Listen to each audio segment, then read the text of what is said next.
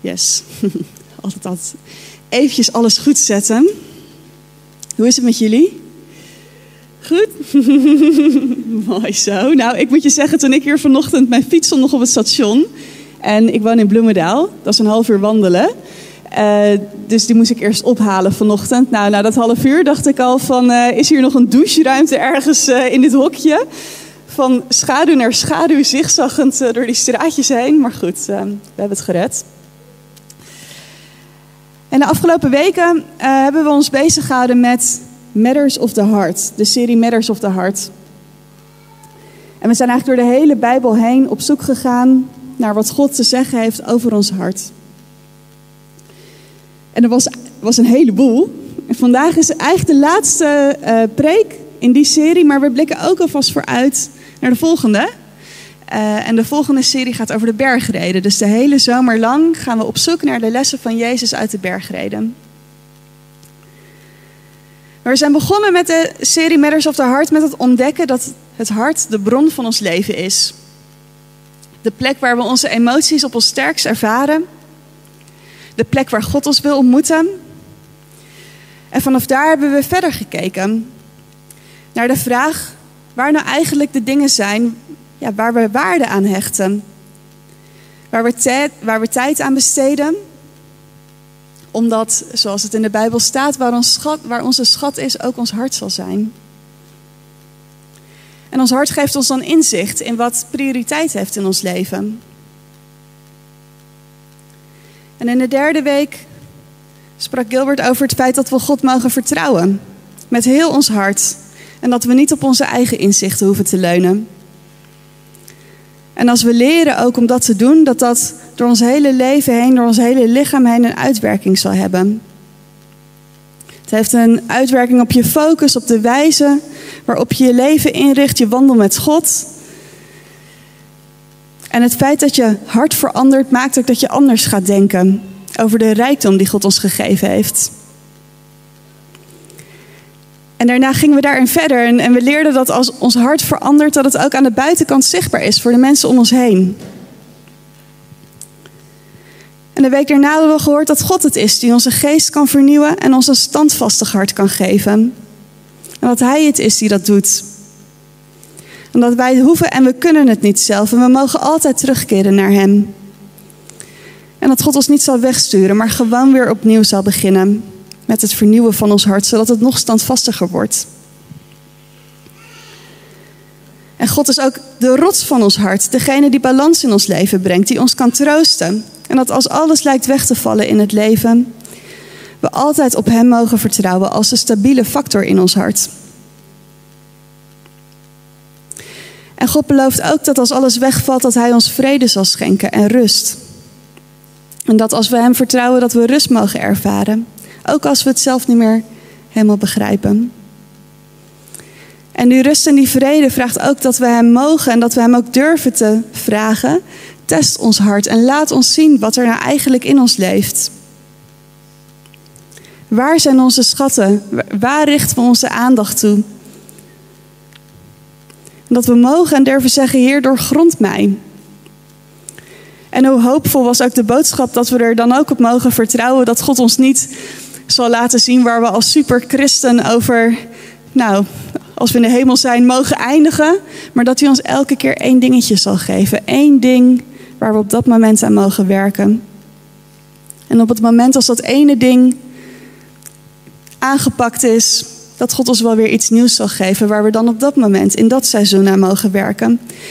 Ik vind het altijd mooi dat Gilbert zegt: als je met Jezus leeft, ben je eigenlijk je hele leven lang in ontwikkeling. En als je een jaar na dato terugkijkt, dan moet je leven anders zijn. Want het kan niet anders, want Hij zal je dingen geven. En dat is ook een mooi bruggetje naar waar we het vandaag als laatste preek in deze serie over gaan hebben. We, kijken, we sluiten af, maar we kijken ook vooruit.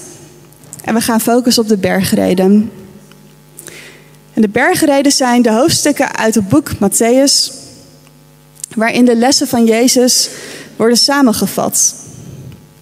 En om eerst wat achtergrond ook te geven bij, nou, waar komt die bergreden nou vandaan? Wat is dat? Matthäus was een van de discipelen van Jezus en hij was de tollenaar. Dus degene die geroepen werd door Jezus En waarschijnlijk, althans dat zegt men dan, had hij Jezus al een tijdje horen spreken in het openbaar. Want Jezus die komt bij hem uh, aan zijn tollenaarshuisje en zegt, uh, laat alles vallen en volg mij. En dat doet hij ook. Dus het is in een split second dat hij Jezus gaat volgen. En die avond geeft hij al een groot feest. En dan lezen we in Matthäus 9 dat er een groot aantal tollenaars en zondaars ook op dat feest aanwezig was. Zo staat het dan in de Bijbel. Ik denk in deze tijd zouden dat gewoon jij en ik. Jij en ik waren daar welkom, niet alleen de Fariseërs. En dat is best bijzonder. Kennelijk had Matthäus wel een bepaald aanzien in die groep, want hoe krijg je anders in zo'n korte tijd zo'n meute op de been? Dus Matthäus had een heel duidelijk doel. Hij wilde dat iedereen Jezus leerde kennen. En dat is ook waarom hij zijn boek schreef. Want het boek van Matthäus is een evangelie wat toch net wat anders in elkaar zit dan de andere drie. Matthäus heeft dat boek geschreven als Jood voor de Joden uit die tijd. En hij wilde hen leren wat hij ontdekt had, namelijk dat Jezus de Messias is. En door het boek heen wordt dan ook veel vaker dan in de andere evangeliën worden er steeds stukjes uit het Oude Testament bijgehaald, zodat de Joden uh, ja, de plek van Jezus ook in de context konden plaatsen. En er is één centrale boodschap die Matthäus over de bühne wil brengen met zijn boek. En dat is dat Jezus de koning is, Jezus de Messias is. En hij beschrijft eigenlijk in het evangelie alles wat er uniek is aan Jezus. En het begint natuurlijk bij de geboorte van Jezus en de, de bijzondere aankondigingen daaromheen. De vlucht naar Egypte tot de aankondiging van Johannes. De neef van Jezus tot de strijd in de woestijn. Matthäus wil eigenlijk één punt duidelijk maken en dat is dat alles anders is aan Jezus. En de eerste lessen van Jezus heeft Matthäus eigenlijk samengebundeld tot nou ja, de drie hoofdstukken die wij nu de bergreden noemen. En dat is een stuk uit de Bijbel wat eigenlijk bij iedereen, of je nou christen bent of niet, over de hele wereld bekend is. Juist omdat het nog steeds zo radicaal anders is dan hoe wij ons leven vaak inrichten. En als je dus je leven wil invullen, als je die oproep achterna wil gaan om je leven te laten veranderen door Jezus, dan is de bergrijden natuurlijk ook een mooi startpunt. En we lezen vandaag uit Matthäus 5, vers 8. Dat is wel ergens in het midden van de bergreden, maar dat was het vers wat het mooie bruggetje vormde tussen de twee series. En daar staat: Gelukkig wie zuiver van hart zijn, want zij zullen God zien. Gelukkig wie zuiver van hart zijn, want zij zullen God zien. Zuiver van hart zijn. Ja, wat betekent dat nou precies? Dacht ik bij mezelf toen ik deze tekst las. En het woord wat Matthäus voor zuiver gebruikt hier is het woord kataroi. Een vervoeging van het woord kataros. En dat woord dat wordt in de Bijbel wel vaker gebruikt. Bijvoorbeeld in de context als het gaat over een stof, over linnen. Om aan te geven dat het helemaal een mooi stuk zuiver linnen was. Rein, smetteloos. Of het wordt gebruikt om water te beschrijven. Uh, schoon water. Goud en glas. 100% pure mengsels. Kostbaar. En tot slot betekent het ook schoon in ceremoniële zin. Dus rein volgens de wet van Mozes. Bijvoorbeeld uh, dat je bepaalde etenswaren wel of niet mocht eten. Bepaalde dingen waren rein, andere niet. Nou, dat is datzelfde woord dat daar gebruikt wordt.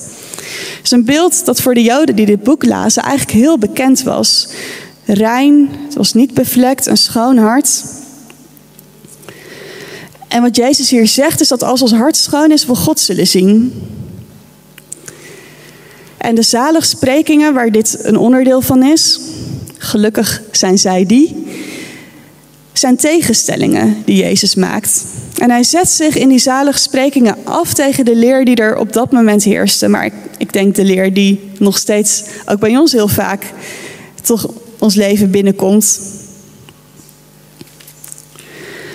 Maar wat is dan het tegenovergestelde van een schoon hart hebben? Is het dan een vuil hart? Ik denk dat we allemaal ook wel de dagelijkse strijd herkennen om de juiste dingen te doen. Het is zo moeilijk om je niet gewoon maar mee te laten slepen in de dagelijkse sleur. En nou ja, om je druk te maken om alle dingen die er maar spelen in je leven. Jezelf centraal te stellen of je eigen agenda te volgen. En gewoon je dagelijkse leven maar te leiden, eigenlijk zonder dat je God daar onderdeel van maakt. Terwijl Hij er zo graag een onderdeel van wil zijn. En wat betekent het dan in dat normale alledaagse leven om puur, om schoon van hart te zijn? Is dat dan maar dat je heel hard probeert om de juiste dingen te doen om dat hart dus maar schoon te houden? Dat je je focus moet hebben op een correct leven leiden? Precies alles doen wat God van je vraagt? Je leven in te richten volgens de regeltjes en elke ochtend tien minuten of misschien nog wel, misschien wel een uur in de Bijbel te lezen en daarna nog een uur te bidden? En vervolgens natuurlijk ook bij elke maaltijd en bij iedereen die je tegenkomt. En uh, danken om wat er constant in je leven gebeurt. Voordat je gaat slapen, natuurlijk op je blote knieën voor je bed. Het zijn absoluut natuurlijk helemaal geen verkeerde dingen om te doen. Uh, begrijp me niet verkeerd. Maar als je het doet omdat je het moet doen, ja, dan dient het geen doel meer. En dat is volgens mij de valkuil waar we toch als mensen nog steeds al te snel ook in trappen. Want het is ook best fijn om gewoon duidelijk te hebben van wat moet je doen om een leven te leiden wat God welgevallig is, zoals dat dan zo mooi in de oude vertalingen staat. Het is heel fijn om gewoon wat piketpaaltjes te hebben, dat je weet van nou hier gaan we links, daar gaan we rechts. We, het is ook niet voor niks dat we als mensen van rust, ritme, regelmaat houden. Nou, dat past er allemaal precies in. Als je stap 1, 2, 3 neemt, dan is het allemaal goed. Het is misschien wel wat hard werken, maar dan kom je er uiteindelijk ook. En dan is je hart schoon. Maar is dat nou wat Jezus hier bedoelde? Dat we ons houden aan de regeltjes, maar heel erg ons best zullen doen om maar ja, niet die dingen binnen te laten die ons hart weer vies kunnen maken. Dan kan het toch niet zo zijn. En dan was het gelukkig ook niet, want dit was nou precies waar het publiek waar Jezus voor sprak ook mee worstelde. Ze waren natuurlijk opgevoed als Joden met de Fariseërs, de schriftgeleerden. Ik heb het nog maar weer even opgezocht toen ik deze preek ging schrijven, maar je hebt natuurlijk de tien geboden. En daarnaast had je nog 613 andere regels uh, waar mensen zich ook aan moesten houden. En dat was dan alleen nog maar wat er in de Bijbel stond. Want die 613 regels die waren natuurlijk weer geïnterpreteerd en weer verder uitgebreid met allemaal subregeltjes. Er waren regels hoe je met je familieleven om moest gaan, hoe je relatie met God moest inrichten, uh, over hoe je met je geld om moest gaan, hoe je om moest gaan met je eten, met je kleding, met beloftes die je maakt, met je eigendom, met je kinderen, met de grond waar je op werkt, hoe je offers moet brengen, hoeveel donaties je moet schenken, hoe je om moet gaan met bepaalde ziektes, met profetieën, met afgoderij, hoe je oorlog moet voeren, hoe je om moet gaan met de overheid. Kortom, eigenlijk alles wat er in je leven speelde, daar hadden de Joden wel een regeltje voor. En wat Jezus hier niet zegt als hij zegt: gelukkig zijn zij die, schoon, die een schoon hart hebben, is dat je God zult vinden als je je maar aan al deze regels houdt. Hij zegt hier: je bent gelukkig als je een schoon hart hebt. Dan zul je God zien. Dat het niet gaat om uiterlijk vertoon. Niet dat andere mensen maar zien hoe goed jij je aan al die regeltjes houdt. Dat je maar streepjes kan zetten achter al je christelijke activiteiten. Dat je en naar de EO Jongerendag en naar uh, opwekking en naar Graceland en naar stilte en naar Everyone 23 gaat. Maar dan nog steeds hoef je God niet te zien op al die plekken. Want het gaat Jezus niet om wat je doet. Het gaat om je hart. En dat je een verandering hebt binnenin je. Niet omdat de dingen om jou, niet omdat de dingen die de mensen om jou heen kunnen zien. Dat je maar het leven van een superchristen leidt. En het woord hart dat door Matthäus wordt gebruikt, is niet het, het Griekse woord dat het hart als orgaan aanduidt. Het woord betekent eigenlijk veel meer iets als je ziel, je geestesleven. Je beslissingen, de plek waar je beslissingen neemt, waar je wijze woorden over denkt. In het bijzonder staat de plek voor, uh, staat, staat het woord voor de plek waar je uh, andere mensen ook opneemt, waar je ze overdenkt. Waar je de lessen ontvangt voor de vorming van je leven.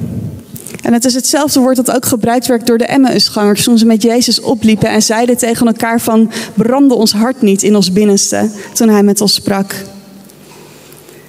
Dus je bent gelukkig als je God toelaat in je emoties en in je liefde te werken. Je bent gelukkig als je God toelaat aan je bedenkingen en aan je overpeinzingen te werken. Je bent gelukkig als je God toelaat door jouw gedachten te werken. En als we dan zo net die hele samenvatting van al die weken met elkaar doornemen, is dat dan niet ook de rode lijn door al die preken heen? Dat God uiteindelijk jouw binnenste, jouw ziel, dat Hij dat voor zichzelf wil. Hij wil daar spreken, hij wil laten zien hoe je kunt leven met de hoofdletter L in vrijheid, niet in gebondenheid. En hoe je hem dag in dag uit kunt ontdekken, gewoon in je normale leven, in de normale dingen die je doet. En dat het er helemaal niet om gaat hoeveel pagina's je nou in je Bijbel leest. Ook al, ik zeg nog maar een keer, is dat echt een hele goede, iets heel goeds om te doen. Uh, maar het, dat is niet belangrijk. Of hoeveel je er mist is ook niet belangrijk. Of dat je hier zondag helemaal in je paasbest aankomt. Of, nou ja, zoals ik gewoon in je campingoutfit hier staat. Maakt allemaal niet uit. En misschien kom je hier elke week, misschien kom je hier maar één keer per jaar, misschien kom je nooit, misschien lig je wel in bed met je iPad op dit moment omdat je niet op tijd wakker kon worden. Maakt allemaal helemaal niks uit. Als je God maar van binnen de ruimte geeft, want Hij wil je hart. En niet zodat Hij je de les kan lezen. Nee, omdat Hij vol liefde dan zichzelf kan zien aan jou. En de meeste mensen hier, die weten wel dat ik regelmatig in de sportschool te vinden ben. En ik train nu ongeveer twee jaar. Was in COVID dat ik 16 uur per dag achter de computer zat en dacht: als ik nu niks doe, dan ben ik straks 30 en dan zit mijn hoofd aan mijn scherm vast met een soort hobbel daarachter. Dus nu moet ik aan de slag. En ik doe dat één keer in de week met eh, Bram, Bram de trainer. En uh, ik ben net ook op vakantie geweest en dan is het altijd weer een beetje inkomen om weer in dat ritme te komen van die workouts. En ik doe dat dan één keer in de week met hem en dan nog twee keer ga ik zelf. En vorige week zondag had ik dan weer mijn eerste eigen rondje in de, in de sportschool. En het ging echt van geen kanten, want het schema was nog niet goed aangepast. Dus ik ging met veel te veel gewicht op mijn rug en het lukt het niet. En nou ja, als je dan maar één keer tegen jezelf zegt, het lukt me niet, nou, dan lukt het dus ook niet meer. Dus niks ging. En ik, moet, ik ben dus een van die gekkies die dan in de sportschool altijd met zo'n telefoon zichzelf aan het filmen is moest ook over zes grenzen heen voordat ik zo ver kon. Maar dat doe ik zodat ik dan die filmpjes weer naar Bram toe stuur. Zodat hij dan kan zeggen: nee, je moet je, je buik even iets meer intrekken. Of je moet je schouders meer. Nou ja, goed. Dan geeft hij mij weer comments daarop. Dus ik appte die filmpjes en ik zei: joh, kan je ook niet even laten weten waar dat knopje zit? Dat ik even uit kan zetten. Dat ik het niet goed genoeg kan. Uh, want dat, nou ja, dat is dan waar ik last van heb. De volgende ochtend om half zeven maandag train ik altijd met hem. Dus ik moest weer in de sportschool zijn. En in die twee jaar is er één apparaat. Ik begin erom te lachen, waar ik echt niet in durf. En dat is het apparaat waar je met je voeten een soort van jezelf zo vastklemt. Alsof je zit. En dan moet je zo naar achter en dan weer zo omhoog. Uh, voor je buikspieren. Nou, afgrijzelijk. We hebben het een aantal keer geprobeerd in die twee jaar. Maar ik begin ongeveer al te huilen als we dichtbij dat apparaat komen. Omdat ik zo erg hoogte vrees. Dat is natuurlijk gewoon een controle dingetje.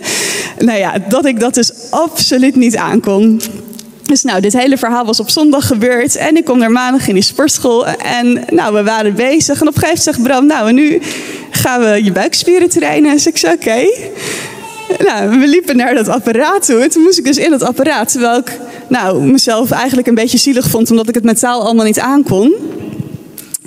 En hij zegt, nou probeer het maar, want volgens mij lukt het prima. Dus ik nog, je moet achter me blijven staan. Ik kan het, je moet. Ik doe het alleen als je achter me staat. Dus nou, hij ging achter mij staan en uh, had een hand op mijn rug. De eerste keer of twee handen zelfs. Zodat ik soort van voelde dat ik niet met mijn voeten uit dat ding kon schieten. En als dat al gebeurde, dat ik dan in de armen bij Bram terecht zou komen. Nou, dat, dan, toen ging het goed.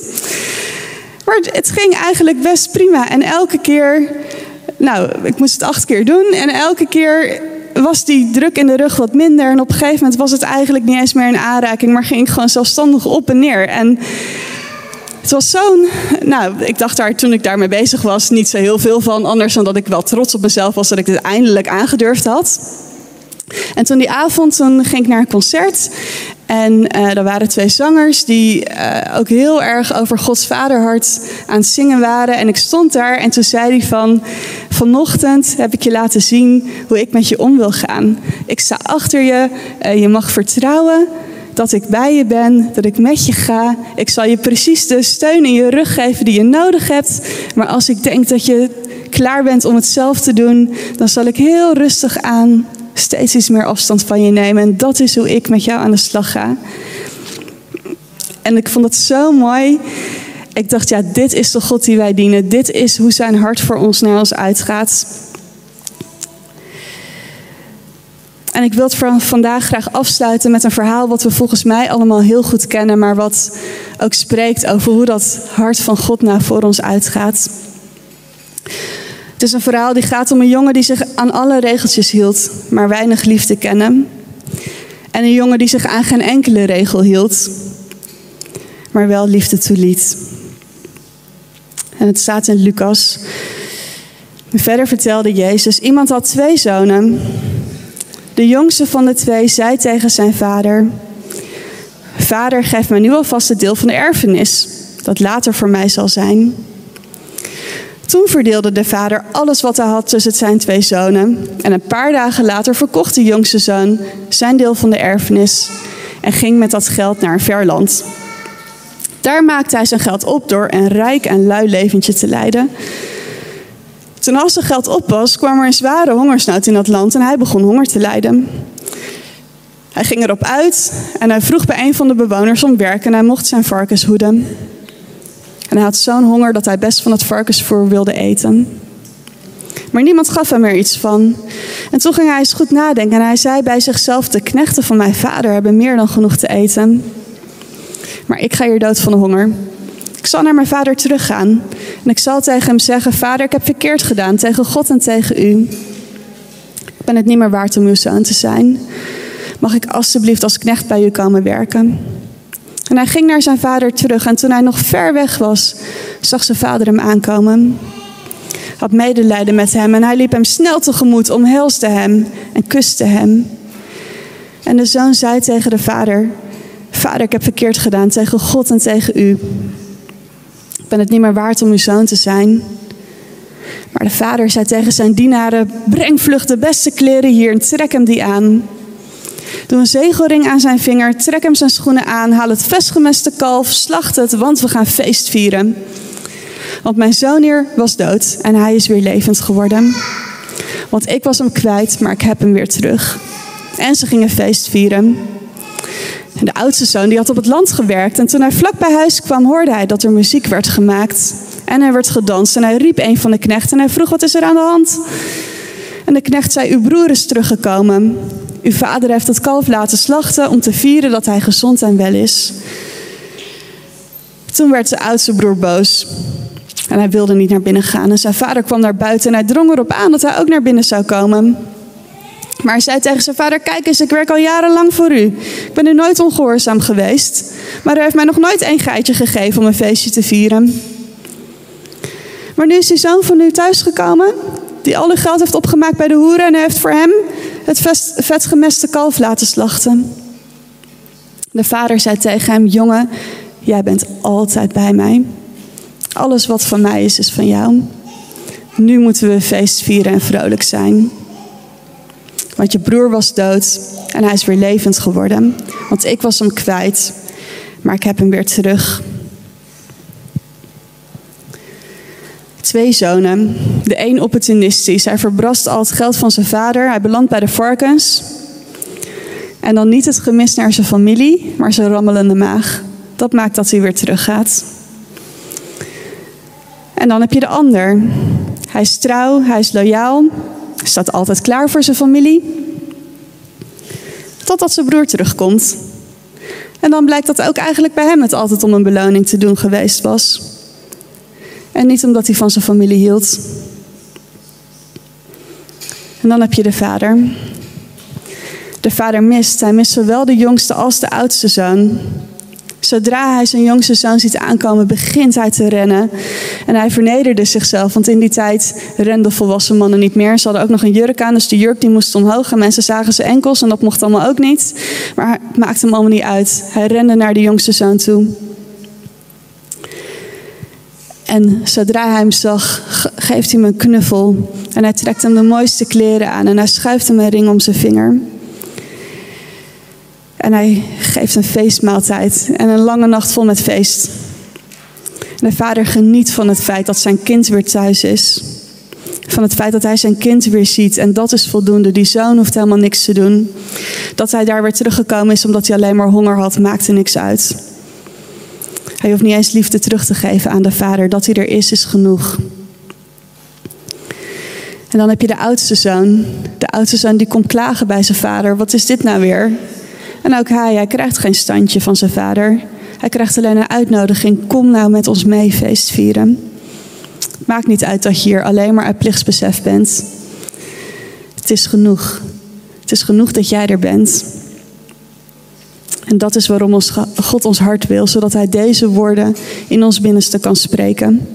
Dat we er overtuigd van mogen zijn dat gewoon onze aanwezigheid, dat dat voldoende is. Dat Hij zo blij is met ons dat Hij op ons afgerend komt. Dat niet uitmaakt wat we hebben gedaan of wat we niet hebben gedaan. Hij is blij en wil uit overvloed zijn liefde met ons delen. God wil je hart. En ik wil vandaag wil ik ook graag met jullie bidden. En ik zou willen vragen of iedereen zijn ogen kan sluiten. Dat we God de Vader mogen uitnodigen om echt in ons hart te komen. En om ons te laten zien of we nou de jongste of nou de oudste zoon zijn. Maar dat Hij van ons houdt en dat Hij met ons is. Ja, Vader Heer, zo komen we tot U vanochtend. Gewoon zoals we zijn. En Heer, U weet ook dat we zo vaak toch weer vervallen in ons dagelijkse leventje, met onze dagelijkse dingen. En dat we u vergeten, Heer, omdat we het zo goed hebben. En Vader, u heeft maar één uitnodiging voor ons. En dat is dat we tot u mogen komen omdat u uw liefde aan ons wil laten zien. En dat het helemaal niet uitmaakt met welke gesteldheid in ons hart we naar u komen. Maar dat u bent er, Heer. En Heer, we bidden u of u dat aan ons wilt laten zien op dit moment. Dat u met uw armen wijd op ons afgerend komt. Dat u ons draagt. Dat u ons een nieuwe kleding aangeeft. Dat u ons de varkenslucht die we misschien om ons heen hebben. Dat u die wegwast in een schoon bad met geurende parfum. Dat u ons een ring omschuift.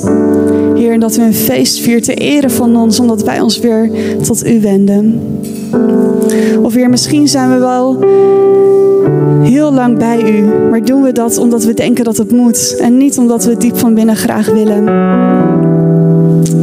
Vader, ik dank u dat ook dat u helemaal niks uitmaakt. Heer, dank u wel dat u ook, als we in die positie zijn, dat u ons met liefde aankijkt en dat u alleen maar een uitnodiging voor ons heeft. Feest nou met mij mee. Heer, omdat u ons het leven wil geven. Het leven wat een feest met u is. Heer, u wilt zichzelf laten zien aan ons. Heer, u wilt ons dagelijks leven met ons leiden.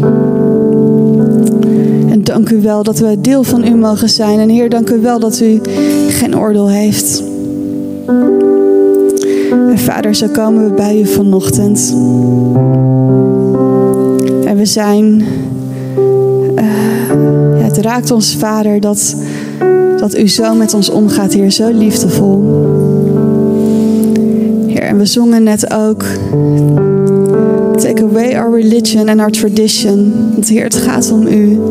En dan doet religie er niets toe, dan doen tradities er niet toe. Heer, we willen u dienen. En Vader, wilt u ons openbaren? Wilt u ons liefde, wilt u ons uw liefde laten zien, Heer? Dat we echt mogen voelen op dit moment dat het dat wij genoeg zijn, Heer. En dat u vol liefde om ons geeft. Heer, dank u wel dat u spreekt nog steeds. Ook vandaag de dag. Heer, dank u wel dat u met ons gaat, Heer. Dank u wel dat u in deze hele serie waar we zoveel geleerd hebben, ook om ons hart, Vader, dat u tot ons hart wil spreken. En ik wil u vragen, wilt u die lessen laten landen? Ook als het misschien nog meer tijd kost. Heer, wilt u ons weer de woorden in herinnering geven waar we nog wat meer over na mogen denken? En Heer, dank u wel dat we erop mogen vertrouwen dat uw Heilige Geest in ons woont. En dat die het is die dit alles in ons bewerkstelligt. Heer, dat wij zelf niet hoeven te doen. Dank u wel, Vader. In Jezus' naam alleen. Gilbert hier. Bedankt dat je hebt geluisterd naar de podcast van Reconnect Community Church. Ik hoop en bid dat je er niet alleen door bent bemoedigd of geïnspireerd, maar dat deze uitzending jou ook weer meer heeft mogen wijzen naar Jezus en zijn liefde, genade en trouw voor jou en voor mij. En als jij, net als wij, ook enthousiast bent over deze podcast, dan kan je ons helpen door je te abonneren op ons kanaal en deze overdenking te delen met vrienden en bekenden. Mocht je ons ook financieel willen ondersteunen, dan kan dat via reconnect.cc/geven. Je helpt ons dan om dit te blijven doen, zodat wij mede dankzij jouw steun mensen kunnen blijven bereiken met het goede nieuws van Jezus. Bedankt voor je betrokkenheid en je support.